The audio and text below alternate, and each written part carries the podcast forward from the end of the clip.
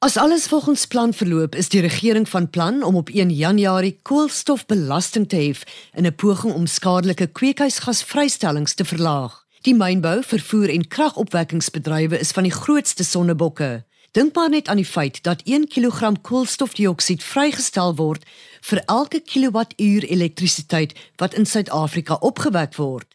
Die landbousektor gaan ook tot verantwoording geroep word. Ons gesels vandag via Skype met Theo Boshoff, die hoof van regsintelligensie by die Landbou Sakekamer Agbus.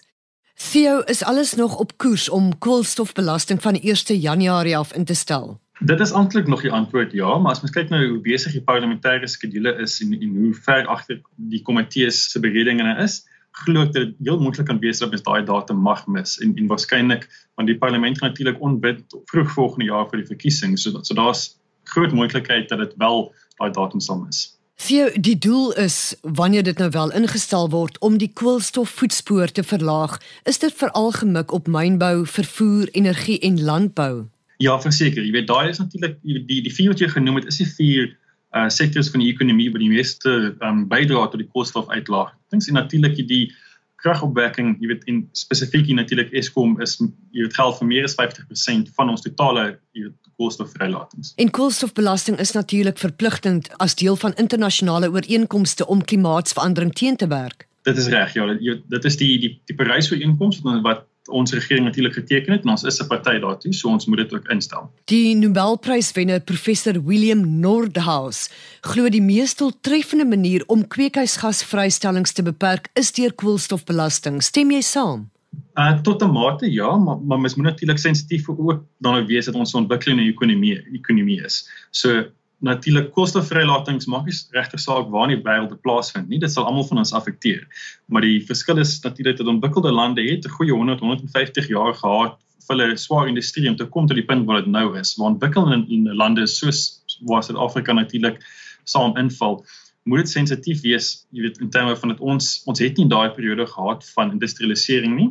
So daar moet 'n balans wees tussen wat kan ons ekonomie bekostig of wat kan ons bekostig sonder om ons jy weet industries sterk te benadeel teenoor wel nog steeds ons bydra te maak om om, om koolstofvrylatings te beperk. En dink jy ons industrie gaan dit kan bekostig? Dit hang alles af van wanneer dit geïmplementeer word. So ons het die datum van 1 Januarie jy het gehoor wat onlangs afgekondig is en soos ek genoem het dit is natuurlik uh onseker op hierdie stadium die parlement daarby sal uitkom in binne tyd. Maar die die implementeringsdatum is geweldig belangrik vir vir of industrie se welkom bekostig of nie. Ons weet die ekonomie doen nie baie goed op die oomblik nie. En was jy jy voor in die onderneming gegee deur die deur die serie dat die implementering sal slegs gebeur. Dit mag dalk wees dat die wet in werking tree. Die implementering kan eers gebeur op 'n mate of 'n tyd wanneer jy dit goed dink dat ons ekonomie en industrie dit kan bekostig. Wat op die oomblik op hierdie stadium dink ek is is dit twyfelagtig of ons dit kan bekostig. Jy het gepraat van die Parys-ooreenkoms. Die teiken is om temperatuurstygings tot teen die einde van die eeu onder 2 grade te hou, verkieslik 1,5. Glo jy koolstofbelasting is 'n doeltreffende manier wat 'n groot verskil gaan maak? Ehm um, dit kan 'n verskil maak, maar maar dit moet deel wees van 'n pakket, jy weet, ingryping. So as weet daar's byvoorbeeld die konsep van 'n koolstofbegroting wat 'n vrywillige meganisme is waarvan die groter vrylaters 'n begroting gegee word, en anderswoorde 'n teken gegee word om vrywillig hulle koolstofbelasting onder 'n sekere vrylatings te hou. En indien so kan natuurlik minder belasting of minder belasting of ten minste 'n laer koers van belasting kry. So ek dink die belasting as die stok is definitief baie belangrik, maar jy moet ook die wortel nodig om as 'n insentief om te probeer mense kry om vrywillig ook deel te neem en, en maatreëls in plek te stel om minder koolstof vry te laat. Watter opsies is daar nog? Wat van kernkrag? Ja, kernkrag spesifiek, daar is natuurlik die, die moontlikheid dat dit minder koolstofvrylating sal gee, maar dit kom nie sonder sonder risiko's nie. Jy weet, en spesifiek klimaat- en omgewingsrisiko's. Op hierdie stadium dink ek is daar spesifiek wind sonkrag en daar's ook uh, loodsprojekte wat plaasvind. Ek glo hulle daar's 'n loodsprojek in Hermanus wat onderweg is om te kyk of mense die krag van seegetye ook kan probeer harness. As ek dit sou kan stel in Engels. Jy het ook gepraat oor die feit dat ons 'n ontwikkelende land is. Glo jy ons beskik oor die kundigheid om 'n konsep soos koolstofbelasting regverdig en doeltreffend te kan toepas? Die kundigheid beslis of ons ekonomie op op hierdie stadium dit kan bekostig is natuurlik 'n ander vraag. Want daar is baie tegnologie beskikbaar, jy weet in die wêreld waar verskeie industrieë hulle koolstof ehm um, voetspoor kan verminder, maar tot op 'n sekere punt.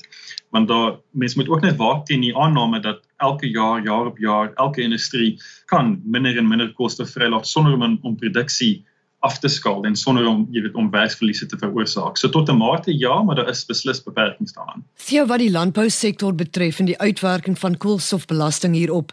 Primêre landbou sal die eerste 5 jaar hiervan vrygestel word, maar landboubesighede soos verwerkingsaanlegte gaan wel geraak word tot watter mate? Ja, nee nee korrek. Dit, dit is absoluut korrek. Uh, so landboubesighede in terme van die vervaardigers van kunsmis jy natuurlik die landbouverwerkingsaanlegte wat wat baie energie en krag gebruik en en hulle eie opwekkings jy weet doen om en ook hulle eie hitte genereer byvoorbeeld om uh, mielies in die graan silo droog te hou. Hulle sal direk geaffekteer word.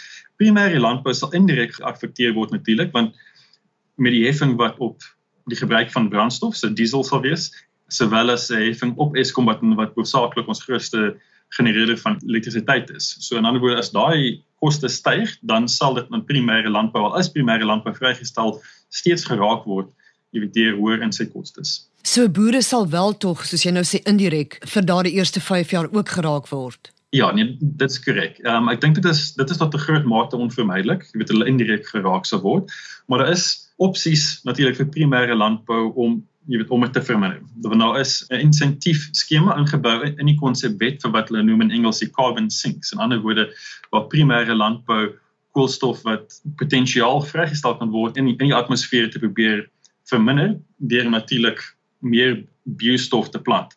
Theo, uh, hoe gaan vermindering op plase gemonitor word wanneer die koolstofbelasting wel direk vir boere inskop? Dit is wêreldwyd een van die moeilikste goed om te doen op ander industrieë wat byvoorbeeld uh, waar 'n enkel industrie is wat uh, baie groot uh, vrystelling van koolstofgas is, kan mens dit meet.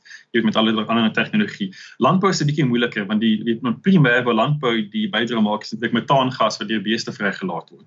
So daar sê jy kan nie dit direk meet nie, maar dit sal eenvoudig met uitgewerk word op die grootte van die beeskudde. Jy sê nou die beesbedryf, blykbaar is die veebedryf vir sowat 60% hiervan verantwoordelik. Sal die sektor dan veral streng gemonitor word? Ja, nee beslis, dit sal geraak word, maar wat dit natuurlik anders is as van die ander groot industrieë. Die staalindustrie kyk is 'n miskien 'n handvol groot spelers wat makliker is om direk te monitor.